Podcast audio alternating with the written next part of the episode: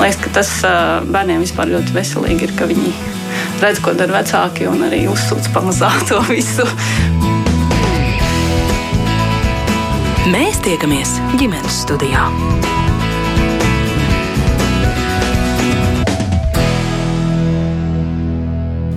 Labdien, priecājos sveicināt visus ģimenes studijas šīs dienas rādījuma klausītājus. Mans vārds ir Agnēs Linka, šī rādījuma producente ir Ilze Zvaigzne.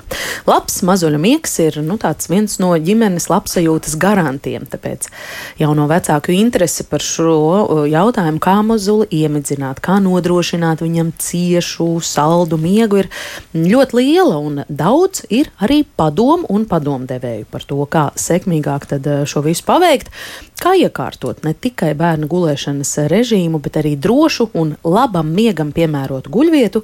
Par to uh, un vēl ko vairāk mēs gribam runāt šodien redzamā ģimenes studijā, kur ar uh, mani kopā un ar savām zināšanām dalīties ar jums, klausītāji. Šodien ir gatavs bērnu Kliniskās universitātes slimnīcas epilepsijas un miega medicīnas centra miega speciāliste un pediatre Marta Celmiņa. Labdien! Labdien! Un certificēta grūtnieču, zīdaiņu un bērnu miega konsultante un arī divu bērnu māma Zana Zalmane. Labdien! Sveicināt!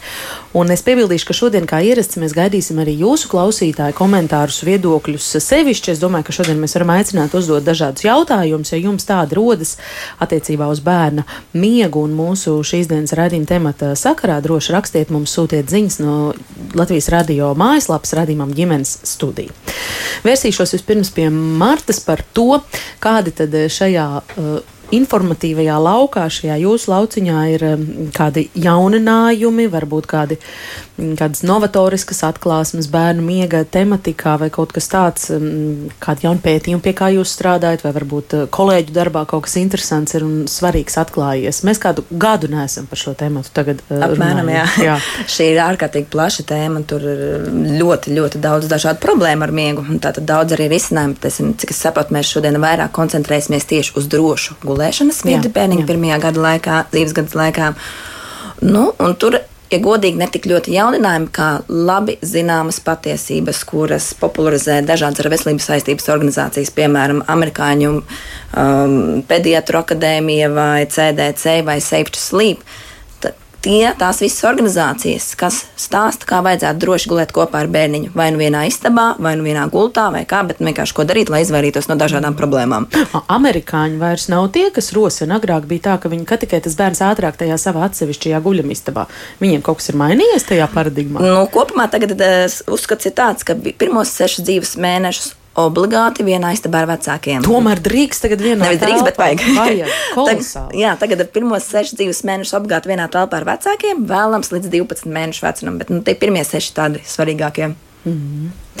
Un bērnu slimnīca attiecībā uz šo varbūt kādi jauninājumi vai kādas aktivitātes? Jā, jā nu bērnu slimnīca, protams, ir tāds lielākais, skaļākais bērnu veselības paudējs veicinātājs. Un es priecājos arī pastāstīt to, ka tie, mēs strādājam pie liela projekta, kur tiks ziņots par visādām bērnu veselības, mm, veselības jautājumiem, par veselīgu dzīvesveidu, par simptomiem, slimībām, izmeklējumiem. Praktiski tā būs tāda kā veselības encyklopēdija un tiek uh, top arī tāda ļoti iekļaujoša sadaļa par bērnu miegu. Dažādos vecumos, gan par veselīgu un drošu vidi, gan par biežākajām problēmām, gan par bērniņiem, kuriem ir arī citas veselības uh, attīstības problēmas. Nu, tā kā gaidiet, drīzumā cer, būs arī mm-hmm. uz pierādījumiem balstīta informācija latviešu valodā. Vai drošs bērna miegs un droša guļvieta pēc jūsu vērojumiem Latvijā ir eh, tāds problēma jautājums? Es pieņemu, ka daļa māmiņu zina vai ir redzējušas tādu vienu ļoti skaļu notikumu, kas pirms kaut kādām pāris nedēļām pāršāls Latviju un visus māmiņu fórumus, eh, kur kāds speciālists stāstīja par to, kā vajadzētu bērniņu likt gulēt. Tā tad apkārt maliņā, apkārt gultē tādas tā kā mīkstās maliņas, paviršu sedziņa, un, un tur tika pierakstīts, nu, šī ir vecāka izvēle, kurš grib tas seko, kurš negrib tas neseko. Un tad man sarāvās sirds tajā mirklī tāpatās kā ļoti daudziem ar miegu un vispār bērnu veselību saistītiem speciālistiem. Un tieši tā, tad mēs arī par šo sākām vairāk runāt. Un tad man prieks, ka ģimenes studija arī par to, šo jautājumu paceļ. Nu, tas ir tāds skaļākais eh, notikums, kad tiek ar nodomu ļoti tāda, man, manuprāt, kaiti, kait, mm, kaitējoša informācija izplatīta, kas jauniem vecākiem varētu samaisīt galvu. un sajauka domas, jo bez viņu uzticas speciālistiem. Un, ja viņam speciālists saka šādu informāciju, tad, tad, tad tāpēc es ceru, ka mēs šajā raidījumā daļai mm. ieviesīsim skaidrību. Bet eh, tā, tā tad ir tāda indikācija, ka problēmas un tāda mūsu nezināšana šajā jomā ir. Jā, un es, es, es sekoju līdzi arī tādai brīnišķīgai ģimenes ārstei Katarinai Bulavkinam, kur ir ļoti daudz inf interesantas informācijas, um, infografikas rakstu. Viņi, man, man liekas, tā bija viņa, kas arī raksta, ka viņi iet pie saviem pacientiem, pie bērniem. Viņi izravidē visu gultu, viņi izvāc visas liekas sagas, pilvenas, mantiņas, tam taram, taram. Viņa saka, nu, mēs maz vai pliku gultu uzstājas, ka viņai ļoti daudz ar vecākiem jārunā par šādu jautājumu. Tātad, šī būtu lieta, kas būtu jāzina katram ģimenes ārstam, katrai māsai, kas dodas patronāžā, jo viņi ir tie cilvēki, kuriem ir pirmā saskarsme ar vecākiem un kuriem vecāki uzticās. Mm. Tā, tā nevajadzētu būt kaut kādai ekskluzīvai zināšanai vai ekskluzīvai miega ārsta vai miega speciālista mm -hmm. kompetencei. Mm -hmm. Labi, ļausim Martai ievilkt elpu. Zana, vērsīšos pie jums. Varbūt jūs varat īsi izstāstīt, kas ir tas, ko dara miega konsultants, vai arī tajā jūsu darbības laukā ir jautājumi ne tikai par labu bērnu miegu, bet arī par drošu -hmm. bērna miegu un guļvietu. Nu jā, tad, pirmkārt, kā es kļuvu par šo konsultantu, ja, kā minēju, man ir divi bērni. Uh, Un aptuveni manai meitai bija kaut kādi pieci mēneši, tas ir divu pusgadu atpakaļ, un man pēkšņi sāka negulēt. Es viņu tur uz rokām nesāju, tur bija, bija grūti. Divi mēneši? Pieci mēneši viņai A, pieci bija, pieci mēneši vecumā. jā. Un uh, man viena paziņa, kas uh, bija uzkontaktējusies ar miega konsultantu Krievijā, viņa saka, viņa saka, zini, bet manējais tagad guļ, nu, likās, nu, kas te tā pa tādu, tur, jo es biju salasījusies tur tos rietumus un Ameriku, man tur tā filozofija, ko piekopā Amerika, man tā nevisai. Un, uh, un es uzkontaktējos arī ar šo miega konsultantu, un viņi man izstāstīja tos principus, kā, kā, ko tad man tagad darīt. Man viņi iezīmēja tādas ļoti skaidras lietas, ko es daru nepareizi, vai, nu, pareizi sakot, es daru pareizi, bet nepareizajā laikā nomodā, kad bērns ir. Un sakārtoju atbilstoši tam mūsdienas ritmu tā, ka man šīs problēmas principā vairāk nebija. Nu, lūk, un šī te ideja par to, ka nu, patiesībā tur nekā tāda sarežģīta nav, ko, ko katra mamma ikdienā var darīt, sakārtot bērnam dienas ritmu, ja, ieviest aktivitātes nomodlaikā, palīdzēt viņam nomierināties, izveidot veselīgu kaut kādu aizmigšanas rituālu, un bērniņš guļ. Man liekas, tā bija tāda Nu, kā, vai tiešām? Jo es atceros ļoti, ļoti labi atceros to mirkli. Man meitai bija 5 mēneši, es sēdēju uz lielās bumbas, nu, tas ir tā kā tā fizioterapeita bumba. Es šūpojos ar visu bērnu, un es domāju, nu, ko man tā konsultanta Krievijā pateiks, nu, ko man viņa tādu pateiks, nu, kā viņa var palīdzēt man te Latvijā esošai mammai. Bet es biju tik ļoti nogurusi no tā, ka es nu, rekonstruēju savus kirlītas zināšanas, lai viņai uzrakstītu uz Krieviju. Nu, lūk, un, un tad es uzrunāju šo konsultantu, prasīju, nu, kā, kur tad var kļūt un kā var kļūt, tad viņi man izstāstīja par šo skolu, par um, International Parenting and Health Institute Amerikā, kur viņi certificē apmāca miega konsultantus. Tā tāda Nu, man tā bija gandrīz pusotru gadu gara programma, kurā ir teorija par to, kas ir bērna miegs, kas vispār ir bērns, kas tas ir. Ja, dzīvē jau cilvēks, ja teiksim, par viņa attīstību. Un tad arī prakse mums bija. Ja, tad, tad mums, lai mēs dabūtu certifikātu, mums bija noteikts prakses stundas, noteikti keisi jāanalizē un jāsūt. Un tā. Un tas, um, tas bija tāds, jā, man liekas, tā ir tā mana vīzija un misija par šo šeit Latvijā stāstīt par bērnu miegu, par to, ka nav jābūt ļoti tādām specifiskām, kaut kādām midzināšanas zināšanām, ja, vai kaut kādām tādām specifiskām metodēm, lai mammas varētu paši tikt galā ar, ar tādām miega grūtībām. Jo principā tas, ko es savā praksē sastopos ar, ar mamām, ka, ja ir grūtības ar miegu, tad es vienmēr saku, skatieties, kas notiek nomodā. Ja, jo bērna dzīve ir miegs un nomods. Ja, un, un tā, tā midzināšanas konsultanta, miega konsultanta galvenā nu, funkcija principā ir izskaidrot mammai, kas te šobrīd notiek, ja, jo tas, tas pie, nāk pie miega konsultanta ar tādu jautājumu. Nu, Man bērns tagad neguļ, es viņu tur midziņu šitā, es viņu tur midziņu tā, viņš tur ceļās pa 40 minūtēm, 60 minūtēm, mēs viņam tur līmējam ciklus kopā, ko man tagad darīt. Ja? Un tad tā, tā, tas pirmais ir paskaidrot, tad, tad, kur mēs šobrīd esam. Ja? Vispirms, tad, cik tad ir vecs jūsu bērns. Ja? Vai, tās, vai tas šobrīd, kas notiek ar jūsu bērnu miegu, vai tas ir kaut kas par bērna miega specifiku, tiksim, kā bērns guļ, ja, vai, vai tiksim, tur, uh, zīdaiņa, teiksim, jaundzimušā posmā, kad bērns guļ ļoti haotiski, ja, tad izskaidro to, ka tā ir normāli, ka tā viņi guļ, ja, vai arī tā, kad viņi vecāki kļūst, kad ir kaut kāds noteikts ritms jau vajadzīgs. Ja. Tad, tad kas, kur mēs šobrīd esam? Un jautājums ir, kur mēs gribam būt, ja? kas, ir, kas ir tie jūsu mērķi, ko jūs gribat panākt. Un tad notiek tā, tā realistiskā nu, tā realitātes iedošana noteikti arī mamām par to, ka um, tās mūsu gaidas, ja manis kā māma, kā pieauguša cilvēka gaidas, kā bērns gulēs, viņas var nesakrist ar to, ko bērns patiesībā var. Jā, viņš, pieņemsim, naktīs var celties ēst, jā, bet mamma grib viņu gulēt, teiksim, izgulēt visu nakti. Un tad ir noteikti šīs realitātes un, un, un, un to gaidu tāda sabalansēšana. Tas ir tāda, nu, principā mēs izstrādājam no nu, katru ģimeni atsevišķu plānu, tad ko tad darīt, uz kurien mēs ejam, kādi ir tie mūsu mērķi. Un tā ir konsultācija, tā var būt viena konsultācija, tā var būt atkārtot konsultācija. Tā, tas ir pēc tam ikdienas atbalsts vēl, ja, jo, jo vislielākās problēmas sākās pēc tam. Ja, jo tad, kad izrādās, ka nu, tad, kad mēs eh, nokonsultējam, nu, tur izstāstām, novienojamies, uz ko mēs iesim, tad eh, sākās šo pārmaiņu ieviešana. Un tad ir atkal stāsts par pārmaiņām, cik viegli mēs tās pārmaiņas varam īstenot, ja, un kāpēc mēs viņus darām. Dažreiz ir ļoti grūti, un, un tad ir tāda, nu, tāds emocionāls atbalsts. Jo tādā, nu, konsultants ir nu, principā atbalsta persona. Ja, kopā tur um, nu, ļoti bieži sanāk strādāt ar, uh, vēl ar zīdīšanas konsultantiem, tandēmā vai vēl ar um, pepmāmām, pirmās emocionālās palīdzības personām, kas sniedz mamām šo atbalstu ikdienā ar bērniem. Tāda miega konsultants, nu, principā, ko tad mēs varam darīt, lai atbilstoši bērnu spējām, iespējām bērns gulētu. Ja? Vai tur ir vai tikai sakārtot nomodu, vai tur ir kaut kāds specifisks, kaut kāds midzināšanas rituāls jāievieš. Nu, tad mēs dodam gan zināšanas par miegu, gan arī principā, zināšanas par bērniem. Jo tas ir tas, kas patiesībā ļoti trūkst mūsdienās, nu, tāda kvalitatīva, informācija. Tas arī bija tas iemesls, kāpēc es vērsos Krievijā pēc palīdzības. Jo tad, kad es meklēju te uz vietas Latvijā, kas te tagad notiek, man īsti nebija pie kā vērsties man pēdējā brīnišķīgi, mums ir brīnišķīgi ģimenes ārste. Arī tāpat tās atnāca pirmajā reizē, paskaties, kas mums te gultā notiek, jā, vai tur nav tur sakabināts kaut kāds mantas vai kas. Bet arī tad, kad es pie viņas gāju, tas pirmais bija lūzums divu mēnešu vecumā, man meitiņa sāk negulēt ratos. Viņa visu viņa kategoriski atteicās no gulēšanas ratos. Un es viņai jautāju, es saku, Santa, kas, kas notiek? Un viņa arī īsti nevarēja nokomentēt. Un es domāju, nu, kurš man var paskaidrot, kāpēc man bērns divu mēnešu vecumā vairs neguļ ratos? Jā? Nu, vienkārši, nu, viss. Jā. Vai jūs varat tā īsi varbūt eh, arī vēl eh, papildināt, kas ir tas, ko nozīmē sakārtot nomodu? Sakārtot nomodu, pirmkārt apskatīties uz bērnu vecuma posmu, cik vecs ir bērns. Un kas ir šajā vecuma posmā vidēji nozarē, nu tās viņas sauc nozarē, pieļaujamais nu, nomoda garums. Un, uh, Tas ir tas laiks, kurā bērns ir nu, no brīža, kad viņš uzmostās no miega, līdz viņš aiziet gulēt. Un ir, var atrast arī internetā ļoti daudz, ir dažne dažādas tabulas, un tad bērnu vecumam atbilstoši, cik ir. Un tad tās nomods nozīmē to, tad, ko mēs darām nomodu laikā. Nu, kas ir tās tipiskākās tā, kļūdas? Tipiskākās kļūdas, un tad tipiskākā kļūda.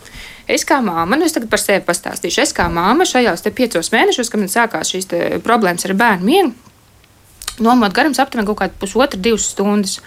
Nu, ko es daru? Man bērns pieceļās, es viņu nolieku tagad kaut kur tur uz paklāja, viņi man tur darbojās, es darbojos ar savām lietām. Nu, tur man ir trauki, man ir māja, man ir vēl kaut kas.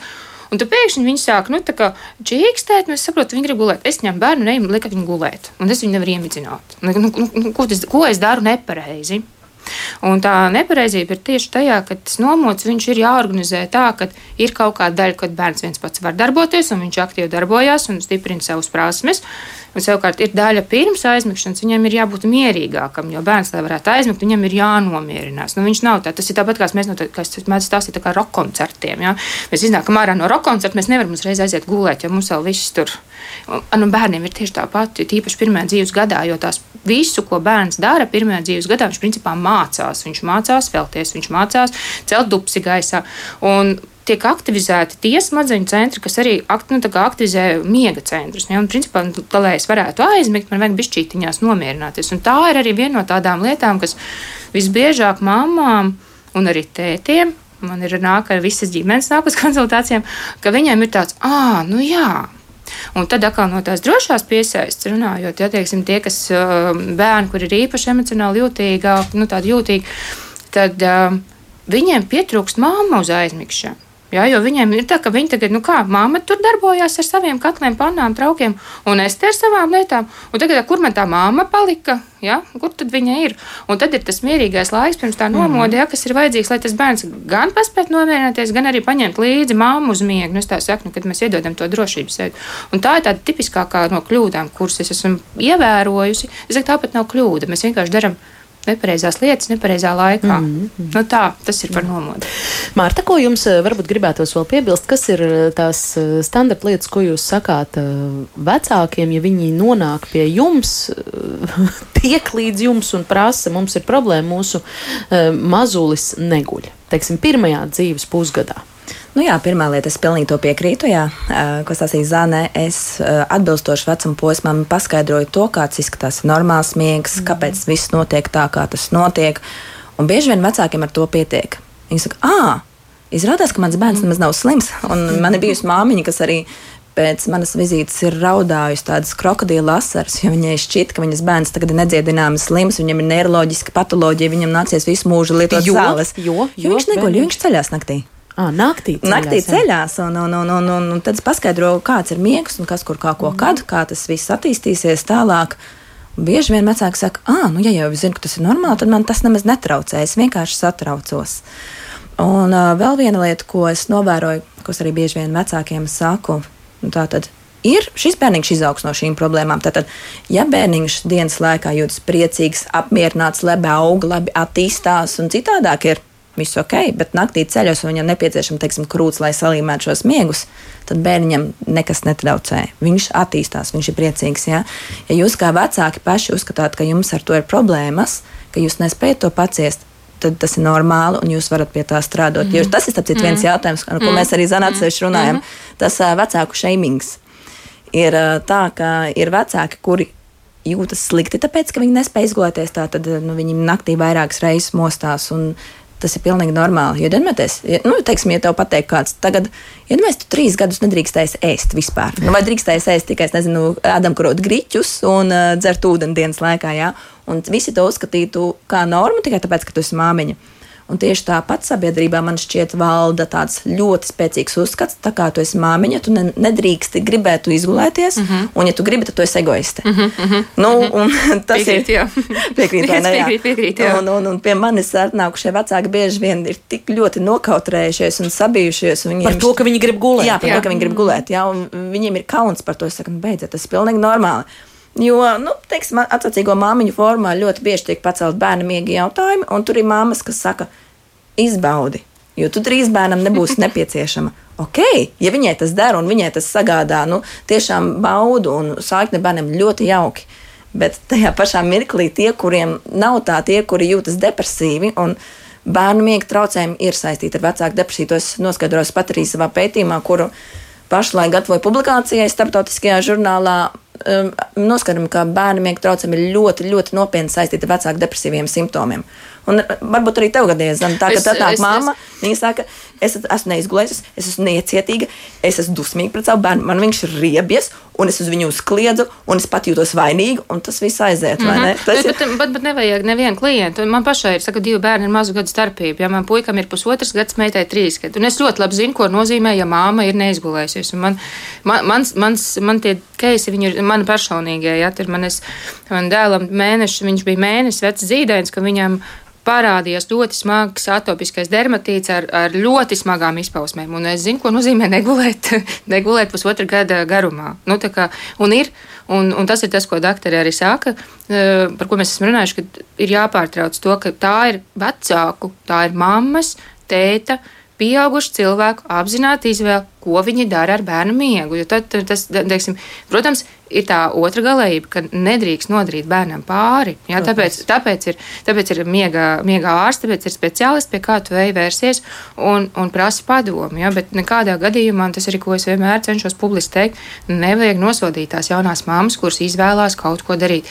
Nekad neesi bijis viņas kurpēs. Tu nezini, kā tas ir, ka tev pusotru gadu bērns visu laiku ceļās ik pa pusotrai stundai un rauda. Viņš nezinu, viņam, viņam kaut kas sāp. Mm. Nevar, to jau tu nevari pateikt. Ja? Nu. Nu, jā, un vēl jau ir tas variants, ka neguļ arī pa dienu, nu, vai guļ 10-15 minūtes dienas, un tad tu nekādi skatoties tajā tabulā, kur ir tās optimālās miega stundas, tu nevari salikt šo visu kopā, jo tur vienkārši nesaietiecīgi mm. ar tavu reālo dzīvi. Mm. Nu, jā, bet tik un tā tajā pašā laikā vēlos teikt, ka ir māmas, kurām tas viss ir ok, mm. un viņas jūtas priecīgas, ka viņas ir bērni. Un es esmu redzējis, ka viņas ir izdevušās. Jā, viņas raksta. Jā, viņas, es, saku, es, viņa, es jūtos gandarīt, ka manam bērnam es jūt, esmu nepieciešama. Man prieks par viņām ļoti liels. Mm. Tāpēc nu, nav vai tikai tās, kuras gribēja, tās, kuras negrib izgoties. Ir ļoti dažādi varianti. Mm.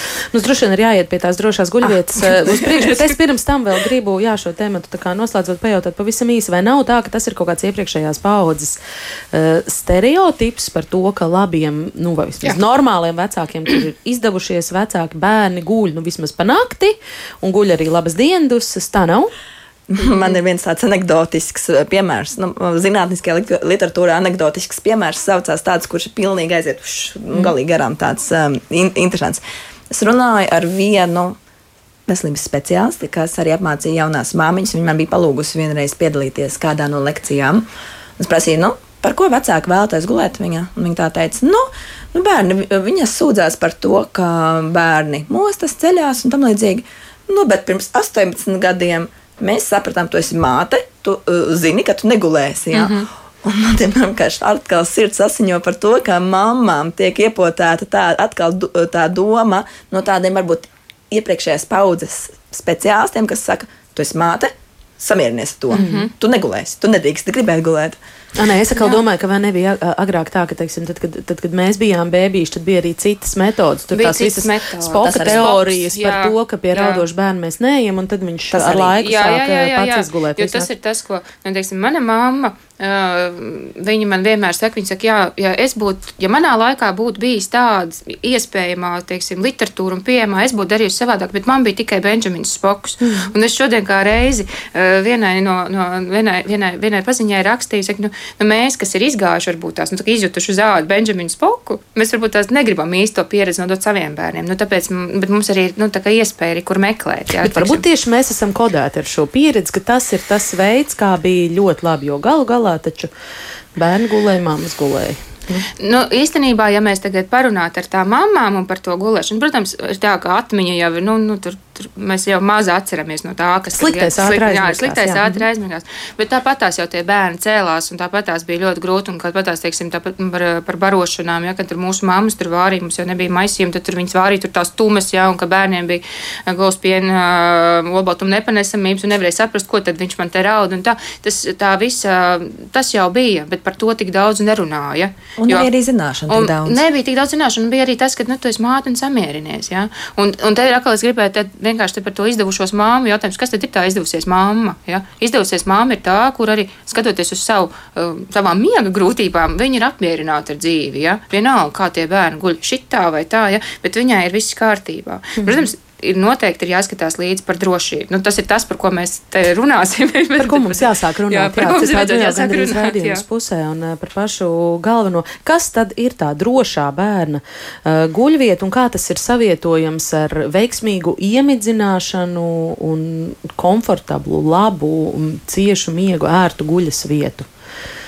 Labi, nu, tātad par drošu gulēšanu. Droša gulēšana un uh, aizmidzināšana, manuprāt, ir drusciņi tādas nošķiramas tēmas. Daļēji, mm -hmm. nu, mhm. nē, labi, viss ir kopā, bet pašlaik, ja mēs runājam tieši par drošu gulēšanas vidi, tā ir tāda, kas pēc iespējas samazina pēkšņo uh, zīdaiņu nāves sindromu iespējam, iespējamību. Es zinu, ka mums Latvijā atkal lauž šķēpes par kopā gulēšanu vai atsevišķu gulēšanu, un šis nav tas jautājums, jo, piemēram, es nezinu, kā to es neatbalstu ne kopā, ne atsevišķu gulēšanu. Es saku mammai un tētim, iz, tā ir jūsu izvēle. Gulēt uh mhm. -huh. kopā vienā gultā vai gulēt atsevišķi, tātad bērns gulēt atsevišķā gultiņā. Man galvenais ir panākt to, ka šī vide ir droša un bērniņa neapdraud bērniņa mm. dzīvību. Kāda vide ir droša? Nu, tātad pirmais - matracis. Matracim vajadzētu būt stingram, vislabāk noklātam, nu, tādam gumijūtam, lai varētu tīrīt viņu, ja nepieciešams. Um, paladziņam stingri pieguļošam, bez jebkādām iespējām tur izļurkāties. Mm bērni pirmajos dzīves mēnešos, teikt, kaut kādos 6, 9 mēnešos gultiņā noteikti neatrodas vieta nekādām liekām mantām, nekādām mīkstām apmelēm, ko es zinu, mēs tikko arī pirms tam uh, diskutējām. Tas ir tāds liels uh, trends, un vecākiem patīk likt, likt mīkstās apmales. Mm -hmm. Nu, knupis neizkrīt naktī, ah, redelē. Bet priekš tā ir domāts tīkliņi. Ja tu gribi likt apmali, liec tīkliņus. Mm -hmm. Jo ko dara, jo ko dara bērniņš? Tātad pirmos kaut kāds pāris mēnešus bērniņš vēl nemāca vēlties, tad viņam tās apmales neko nedod un, un nepasargā viņu no nekādām traumām. Ja tas ir tas, par ko vecāki uztraucas. Vēlāk, kad bērniņš jau aug lielāks un sāk mācīties vēlties, viņš var apvelties uz vēdera, bet viņš nemācēs apvelties ap, atpakaļ. Un iespējams, teiksim, viņš ieveļas ar seju tajā apmalē vai kur citur, vai kaut kādā spilvenā, ja vecāks tādu lietu, vai sagu ielikuši. Un viņš iespējams nemācēs atvēlēties atpakaļ, un viņam tiks nobloķēta un viņš nevarēs pelpot. Ja ir bailes teiksim, par to knupju izkrišanu, tad ir ļoti labi iespēja likt tādus tīkliņus, gaisa caurlaidīgus mm. tīkliņus, bet nu, ne biezās, pufīgās apmales. Um, vēl viena lieta, teiksim, tāda lieta kā pidžamas ar spiedpogām, jā, ar šņurītēm, izkaut kādām siešanām, nē. Knupi kaut kādās lentītēs piesienami arī, lai nekristu ārā, arī nē. Nu, Nu, es nezinu, man liekas, māmas, kuras ir teiksim, atstājušas kaut kādu pāris nedēļas vecu zīdainītu uz gultas un aizgriezušās paņemt kafijas, tās redz, ka viņš jau ir aiztransportējies kaut kur mm -hmm. pilnīgi uz citu pusi. Ja? Nu, viņi, viņi vienkārši to māk darīt. Tā tad um, ļoti svarīgi pārliecināties, vai tur nav nekādas liekas vietas, lietas. Un kā arī ir svarīga temperatūra. Bērniņi nedrīkst pārģērbt pārāk daudz, tās dažkārt, piemēram, cepurītes, jo viņi Viņiem galva attiecībā pret ķermeni daudz lielāka un viņa temperatūra ļoti daudz um, regulēta savu galvu. Tātad, viņiem cepurīti viņi var pārkarst. Un ko var vēl labāk pārbaudīt, teiksim, ar plaukstu pie skausta aizmugurē vai uz krūtīm. Ja? Bet to nevar pārbaudīt pacaustot rociņas vai kājas, ja? jo tās ir nu, defaultā jau augstākas. Kas vēl? Sedziņa. Sedziņa nu, sedziņas un spilveni Amerikas pediatra asociācija ne ātrāk par diviem gadiem iesaka. Ja? Jā, gribā, ja ir augsts mājās, pieņemsim, un guļ savā gultiņā bērniņš, tad ir tie uh, guļamaisi, kuros var uh, ielikt bērniņu, kur ir droši. Ja? Virs 4 kg. Jā, uh, nu, ja, ja, ja tā kā pirms laiks dzimušiem, tad tas savādāk ir. Ja? Uh, tās mammas, kuras guļ kopā ar bērniņu, ja, tad vienā gultā noteikti teiksim, tas ir tāds, um, nu, tāds lifehack, kā angļuiski saka, ko var darīt. Teiksim, ja mājās nu, bērniņš, tad, tad viņu nevajag sekt ar segām, jo viņš jau guļ blakus, tur ir ļoti silts. Bet māmām ir augsti, tīpaši, ja tu baro pa nakti. Un es pat esmu piedzīvojis tādu mirkli, kad tev piecēlies un liekas, ka tu esi trīs stundas bijis leduskapī, tas tā nosalusi.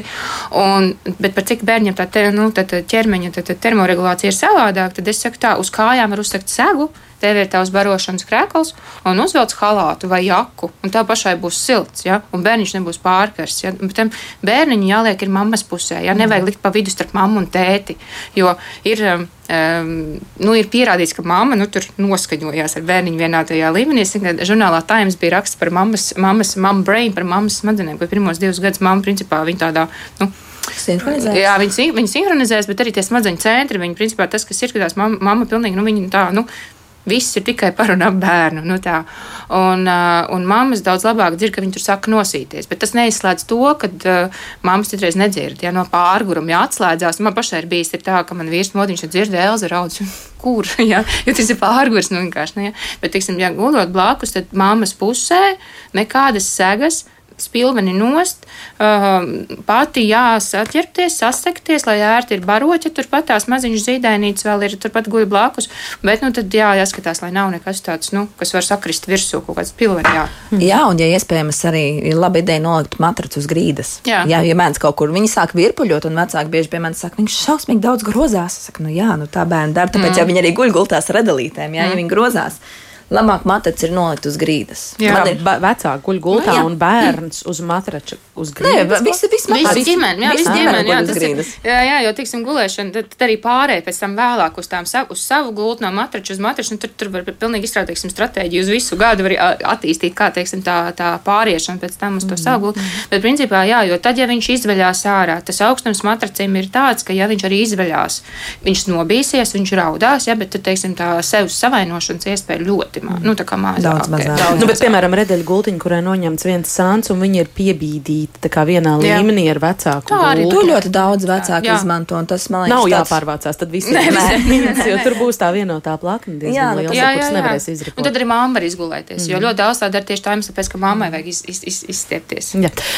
Klausītāji jautājumu birs dažus atbildēsim. Sandra vaicā, līdz kādam vecumam bērniņam ir jāguļ ar māmiņu, no kāda vecuma rekomendējums viņam gulēt atsevišķā gultiņā. Nu, tas ir tas, ko ko iesaka visas organizācijas, līdz sešu mēnešu vecumam obligāti vajadzētu gulēt vienā istabā. Par gulēšanu kopā vienā gultā neviens neko nesaka. jā. Mhm. vecāka izvēle. Bet ko ir svarīgi atcerēties, ja bērniņš ir priekšlaicīgi dzimis vai bērniem ir veselības problēmas, tad noteikti nevajadzētu, nedrīkst gulēt vecāku gultā.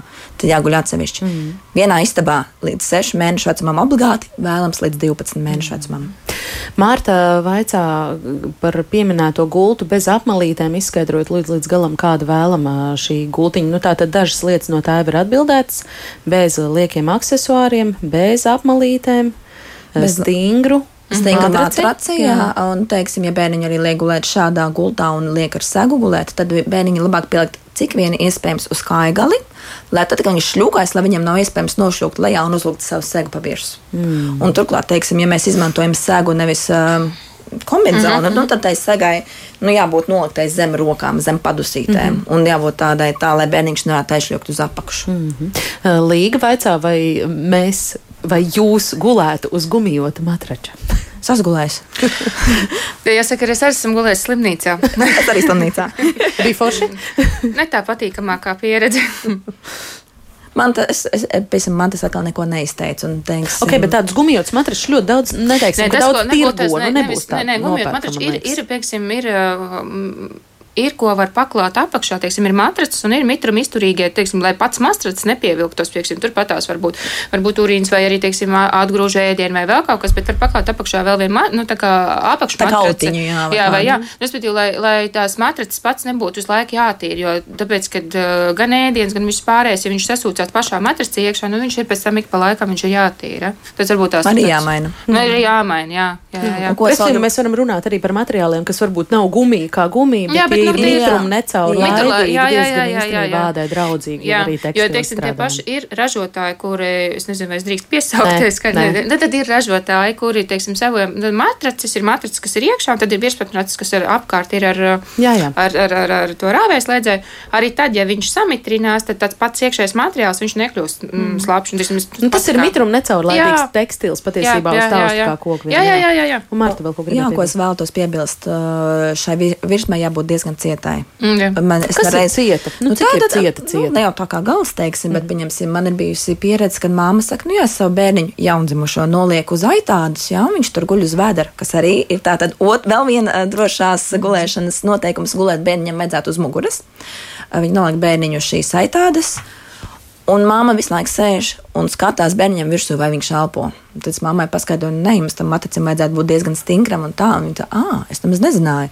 Arī pa vecāku gultu, lai nav tā, ka, ziniet, tā tie ir memory foam, kaut kāda matrica, ka tur iegulies. Jā.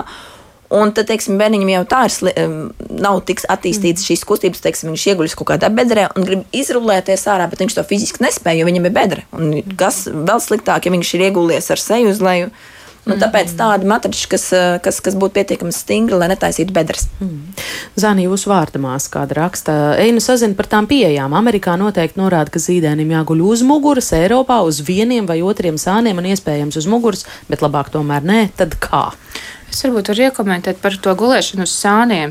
Tas, ko Rīgas zemdību namā vecmāte mācīja, tad, kad es biju gājusi uz nodarbībām, viņa teica, Salīdzinoši nesen, Jā, nesen, saprotu, nesen, nesen tas tad, tad man nav meita- desmit tas- gadus sena pieredze tas nav, jā. Nē, nē, nē, man divi bērni, vien vecākajiem trīs gadu. Viņa, tas, ko viņa saka, uz sāniņa noliek pirmajās dzīves dienās, jo, jā, teiksim, ir augļūdeņi, jāiet, teiksim, arī sēdās, jo tas kuņģīts ir mazs, viņa atgrūž, jā, tad liek uz to sāniņu, jo viņš tikko kā jaundzimušais, viņam ir grūti. Bet arī tas, ko šī te vecmāte stāstīja, viņiem ir šis refleks pagriezt galvu uz sāņu, arī viņi guļ uz muguļa, ja viņi atgrūž ēdienu. Ja? Mm.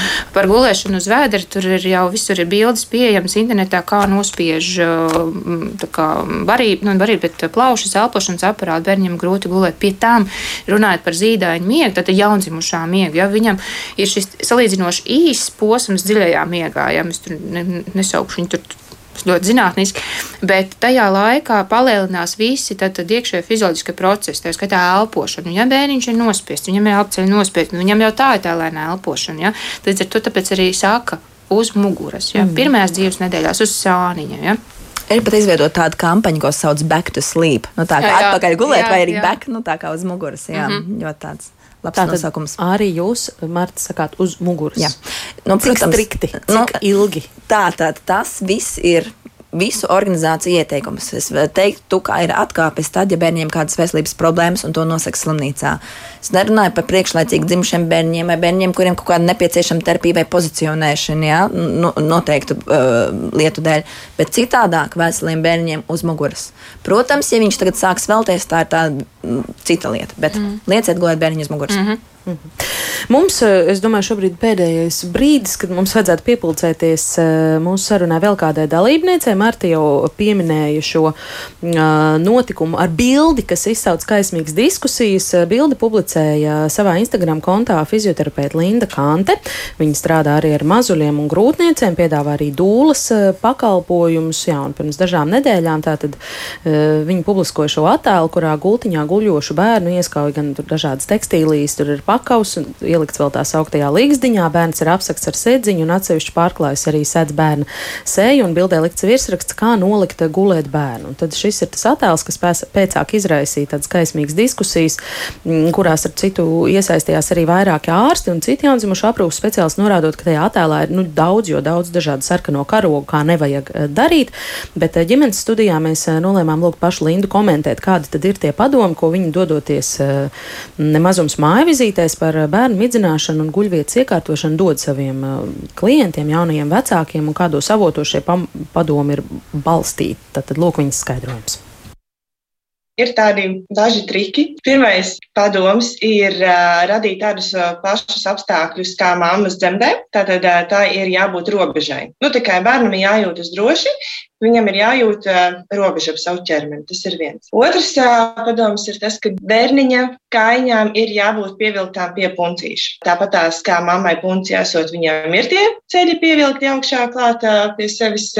Arī piedzimstot bērniņam, tas ir saistīts ar gūžu locītavu fizioloģiju, kad viņai ir jāsaglabā šī pozīcija līdz sešu mēnešu vecumam, līdz kamēr šī gūžu locītava veidojas. Viņai ir šādā pozā jāatbalsta. Un trešais Otrais aspekts, eh, kāpēc jābūt celīšiem saliektiem, tāpēc, ka tad atbrīvojas kuģu zarnu trakts. Jo, ja kājas ir iztaisnotas, tas iestiep šo visu zarnu trakta saišu aparātu, kas apgrūtina virzību pa kuģu zarnu traktu pārtikai, un eh, tas rada papildus eh, diskomfortu. Un, lai viņu atbrīvotu, atvieglotu, mēs pieliekam celīšus klāt pie puncīša, mēs paturam, mēs nogaidām, un viņi nomierinās. Ja mēs runājam par opciju, kad varētu nolikt mazuli gulēt gultiņā un nodrošināt viņam apstākļus, kas ir nepieciešami viņa labsajūtai, es parasti iesaku bērnu pozicionēt uz sāna, jo man kā speciālists viedoklis ir tāds, ka tajā sāna guļā bērnam mēs spējam nodrošināt mugurkaulu taisnu. Respektīvi, ja bērns guļ uz muguras, viņš tāpatās griezīs galvu pa labi, pa kreisi, galva vienkārši proporcionāli liela, un viņš nenoturēs centrā. Tas nav nepareizi likt uz muguras gulēt, bet, ja man ir izvēle, un ja cilvēks ir pie manis izvēlējies nākt pēc padomu, es ieteikšu likt uz sāna, jo, ja guļ uz muguras, bērns pagriež galvu, tas var veicināt to, ka šie pirmie divi kaklas kriemeņi viņi nobloķēja, saspiež nervu vāgus, nervu vāgus, jeb klejotāju nervus. Viņš attiecīgi ir viens no garākajiem nerviem mūsu ķermenī, viņš inervē arī kuņģu zarnu traktu, tad bērnam var būt refluksi, bērnam var būt aizcietējumi, bērnam var būt kolikas, ja, nu, kad šis tiek kairināts nervs, vai arī attiecīgi pēc tam var būt veidoties šķībais kakls. Līdz ar to, lai izvairītos no jā, diskomforta, tad vislabāk liekam bērnu gulēt uz sāna, mugurkauls ir taisns un nekas nekur nevar nobloķēties. Otrs, jābūt ir nu, vai no kāda dvieļa, vai no stēgas, vai tas ir pakaviņš, vai tas ir līgzdiņa, ja, kur bērnam var nodrošināt to muguras balstu, viņam ir jābūt diezgan cieši iepozicionētam šajā sāna guļām. Senāk un kājām ir jābūt eh, pieliktām klāt pie puncīša, jo viņš var spārdīties ar kājām, un eh, lai viņam nepazustu eh, tā drošības izjūta, lai viņš to nepamodinātu, tātad tāpēc es saku, jābūt cieši nopozicionētam. Piemēram, bērniņš guļ nu, tur gultiņā, gultiņā ir ielikta tā līgzdiņa saucamā, kur ir attiecīgi nu, tas mazas eh, valnītes, ja kur var to muguru.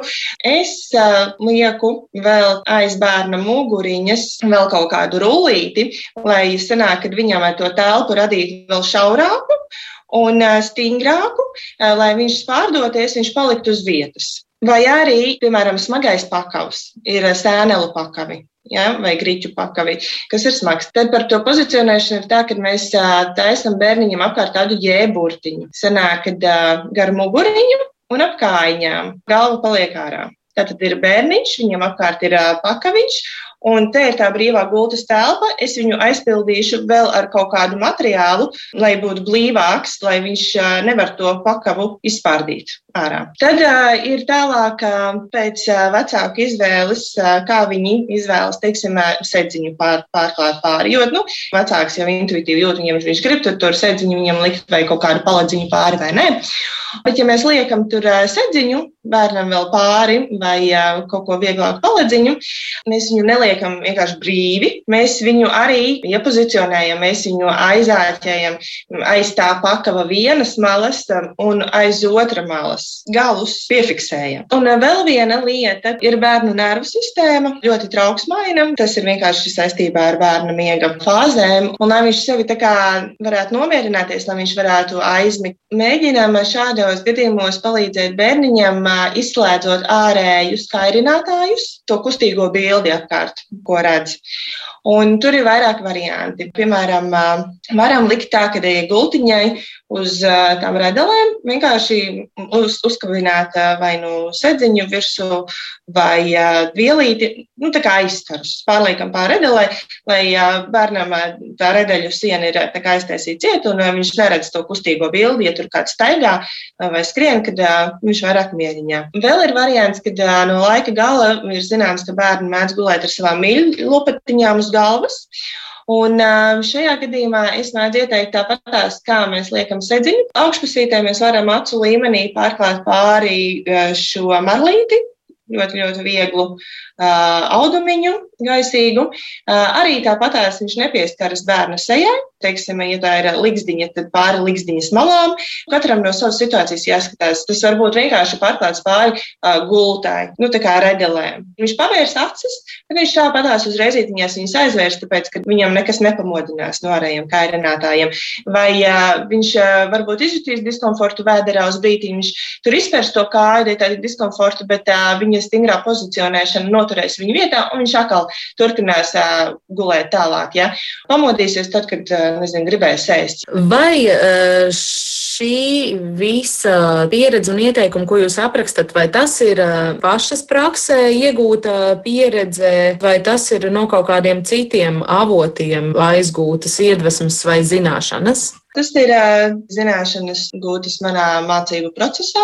No pasniedzējiem, kas māca fiziku? Es Pirmkārt, ir pētījumi, otrām kārtām to māca visur par bērna vajadzībām, par bērna psiholoģisko stāvokli, nervu sistēmu, centrālo nervu sistēmu.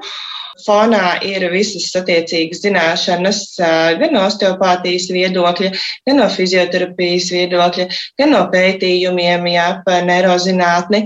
Un zinot teoriju, mēs varam likt praksē un uh, redzēt realitātē, ka tas uh, tiešām strādā un palīdz. Linda, kā jūs raugāties uz uh, ārstu un citu zīdaiņu aprūpes speciālistu pausto satraukumu, kas zināmā daļā sociālo tīklu sacēlās pēc tās jūsu publicētās bildes ar paraugu, kurā mazulis ir visnotaļ piepildītajā gultiņā ar apmalīti vai ar ligzdiņu uz sāna apsekts ar vienu sedziņu un apklātu galviņu. Un šo citu speciālistu teikto, ka tas ir paraugs tam, kā daudzkārt palielinās dažādi uh, riski, nosmakšanas mm. risks vai zīdaiņu pēkšņās nāves sindroma riskus mm. paaugstinoši faktori. Šis ir uh, bailēs balstīts viedoklis. Tas bija mans mērķis, kas gribēja paskaidrot, kāpēc tas ir droši. Nezinu, cilvēkiem laikam uh, ir grūti pieņemt jaunu informāciju. Tad mans nodoms bija padalīties ar ieguvumiem. Un tas tad sanāk iet pretrunā. Jā, es saku, ka tas ir droši un bērniem nāk tas par labu, un tad ir citi speciāls viedokļi, kuri kliedz, ka tas nav droši. Un es tad labāk gribētu palikt pie tā, ka mēs katrs izvēlamies tās pieejas, kas mums katram liekas droši. Jo tiešām pie trauksmes līmeņa viņi ir dažādi. Kādam ir uh, mierīgi nolikt to savu bērnu gulēt ar sāniņu, ar marli uz sejas, kādam ir uh, drošāk bērnu uz muguriņas nolikt un uh, piepozicionēt tukšā gultā. Ja. Vajag darīt tikai tās lietas, kas ir saskaņā pašam ar savu, savu iekšējo būtību, pārliecību un drošības izjūtu. Bet, eh, ja drīkst vēl papildu jautājumu, vai jūs esat saskārusies arī ar tādu zinātnisko informāciju, kur ir eh, aprakstīts, kāda ir droša zīdaiņa guļvieta? Jā, mēs visi zinām, ka valdošie uzskati ir, ka tai jābūt brīvai un tukšai, vai ne? Vienkārši pieredze un praksa rāda, ka bērni ir trauksmaini, vecāki ir nomocījušies, neizgulējušies, noraudājušies, viņi baidās, viņi nezin, kā palīdzēt, un tad nāk attiecīgi klajā nu, citas, tas saucam, nezinu, viņas par alternatīvām tehnikām.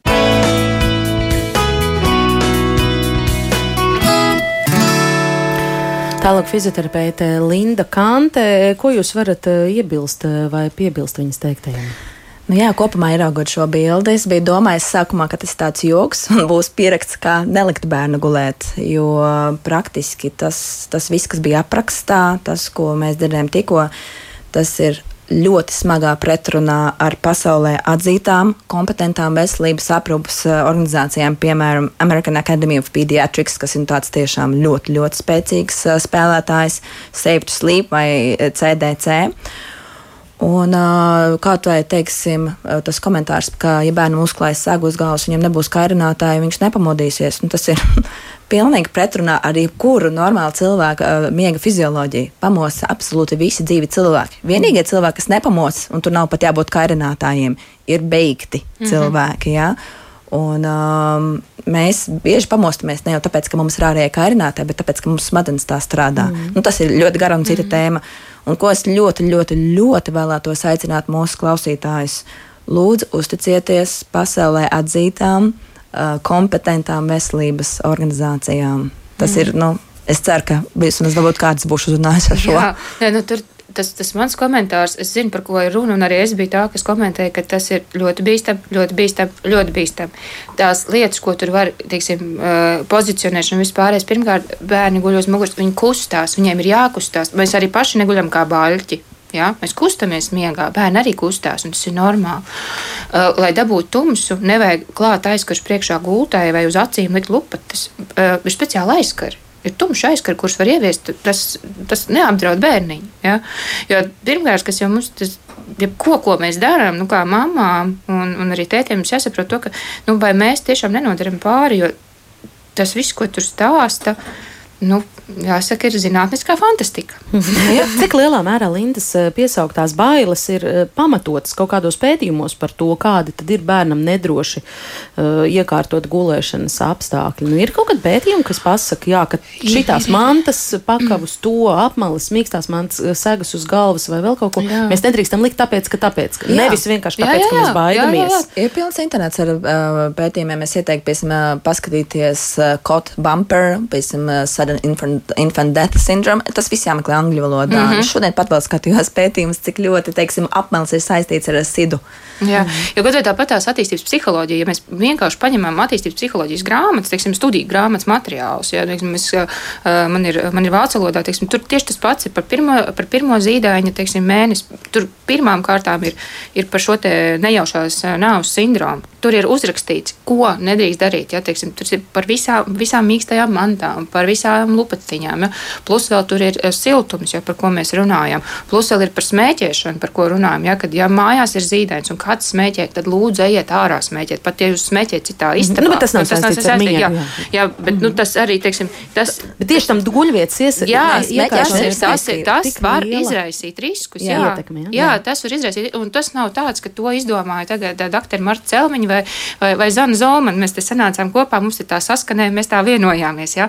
Par to raksta jebkurā, un par bailēm runājot, ja, ka bērns negulēs, ja, tad tas ir atkal nākamais jautājums par to, kāpēc mums ir bail, ka bērns neguļ, kas ir mūsu reālā, kas ir manas kā mammas, kā pieaugušas cilvēka gaids, un kas ir tas, ko bērniņš var. Ja?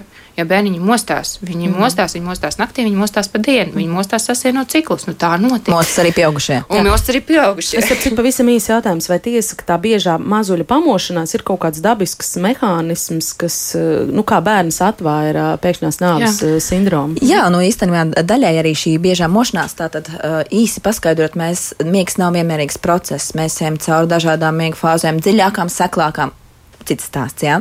Un katru reizi, kad mēs izējām ciklu, tad uh, mūsu smadzenes it kā mūs uzmodina, lai mēs atkal varētu iet nākamajā ciklā. Maziem bērniem 2, 3, 4 mēnešu vecumā šis cikls ir apmēram 30-40 minūtes, tā rūpi rēķinot, pieaugušiem pusotru stundu. Un, uh, kāpēc bērniem šie cikli tik bieži mostās? Tur ir arī evolucionārs pamatojums. Iedomājieties, cik bērnam maz kuģītis. Sākumā tas ir ķirša lielumā, tie drusciņi lielāks, lielāks, lielāks. Jā? Un viņam naktī vairākas reizes jēda. Tātad viņš naktī pamostas, sāk signalizēt par sevi, un mamma viņu baro. Tas ir sāku, sākotnēji primāri jau arī evolucionārs mm. pasākums. Mm. Jā, jā, bet šis, te, šis te, pamošanās starp cikliem, jā, mošanās, jo tiksim, arī tas, ko es arī pieminēju, ka tajā jaundzimušajā periodā, ka tas, īsa, tas dziļais miegs ir ļoti īss, un tas ir tieši tā iemesla pēc, lai daba pasargā bērnu no tā, ka lai viņš var uzmosties no tā savu, lai viņš var izkāpt ārā no tā dziļā cikla, ieiet tajā, nu, saucamajā seklajā ciklā, jā, jo tā, mm. nu, tā, tā viņi tā daba iekārtojas, un līdz tiem diviem gadiem, kad bērnam cik, nu, izveidojās un savādāk šī miega arhitektūra, tur nu, tā, tā mošanās viņa ir viņa būs. Mm. Jā, mums arī, piemēram, klausītāji mm -hmm. raksta, jā, ka tieši paldies par diskusiju un apraksta, ka tieši šīs viss, ko Linda stāstīja, tās ir bijušas palīdzošas lietas, tieši uh, līgsdiņa, uh, pozicionēšana uz sāna un, un, un gaisa caurlaidīga marlīte uz uh, sejas, kas palīdz iemigt, tas viss atbalsta zīdaiņu pamat vajadzības. Ko tad darīt, ja man šād, kāds šādi ir pamācījis un es tagad saprotu, ka tas ir veids, kā mans bērns guļ? Nu, es domāju, ka šeit arī nepieciešama tāda ļoti, ļoti liela nepieciešamība pēc vispārīgas um, publikas izglītotības. Mm -hmm. Tāpēc arī šis ir viens no tiem um, mēķiem, ko es minēju Bērnu Kliniskās Universitātes slimnīcas veselības uh, enciklopēdijai. Jā, tas, tiek, ko jūs gatavojat. Jā, jā, ko mēs jā, gatavojam. Jā. Un es uh, veicinā, aicinātu arī vecākus runāt vienam ar otru un stāstīt un mm -hmm. dalīties savu pieredzi. Un, teiksim, ja tu zini, kas ir labi, tad ja tu redz kādu, kurš nedara pareizi, tad viņam pasaka to. Jo man, eh, noslēdzot sarunu, tikai pāris minūtes vēl atlikušas, eh, liekas, ka. Uh, diezgan liela daļa mazuļu aprūpas speciālistu varētu dot šādus padomus. Es domāju, ka viens eh, cilvēks, kurš labu gribot cieši savu pārliecību, tā kā publiskojot internetā, nav vienīgais eh, visā Latvijā, kurš šādi uzskata un kurš saviem eh, pacientiem, klientiem dod šādus padomus. Nu, tā ir, bet tāpēc arī man sākumā pieminētā doktora, doktora Bulavkina, ja, kur arī, kurai ļoti liels sakotāja pulks, viņa ar savu labo piemēru arī ļoti daudz cilvēkus izglīto. Tā tad es domāju, tas ir izglītošanas, strādāšanas darbs. Tur mm. tikai, tikai un vienīgi izglītošana, izglītošana, izglītošana.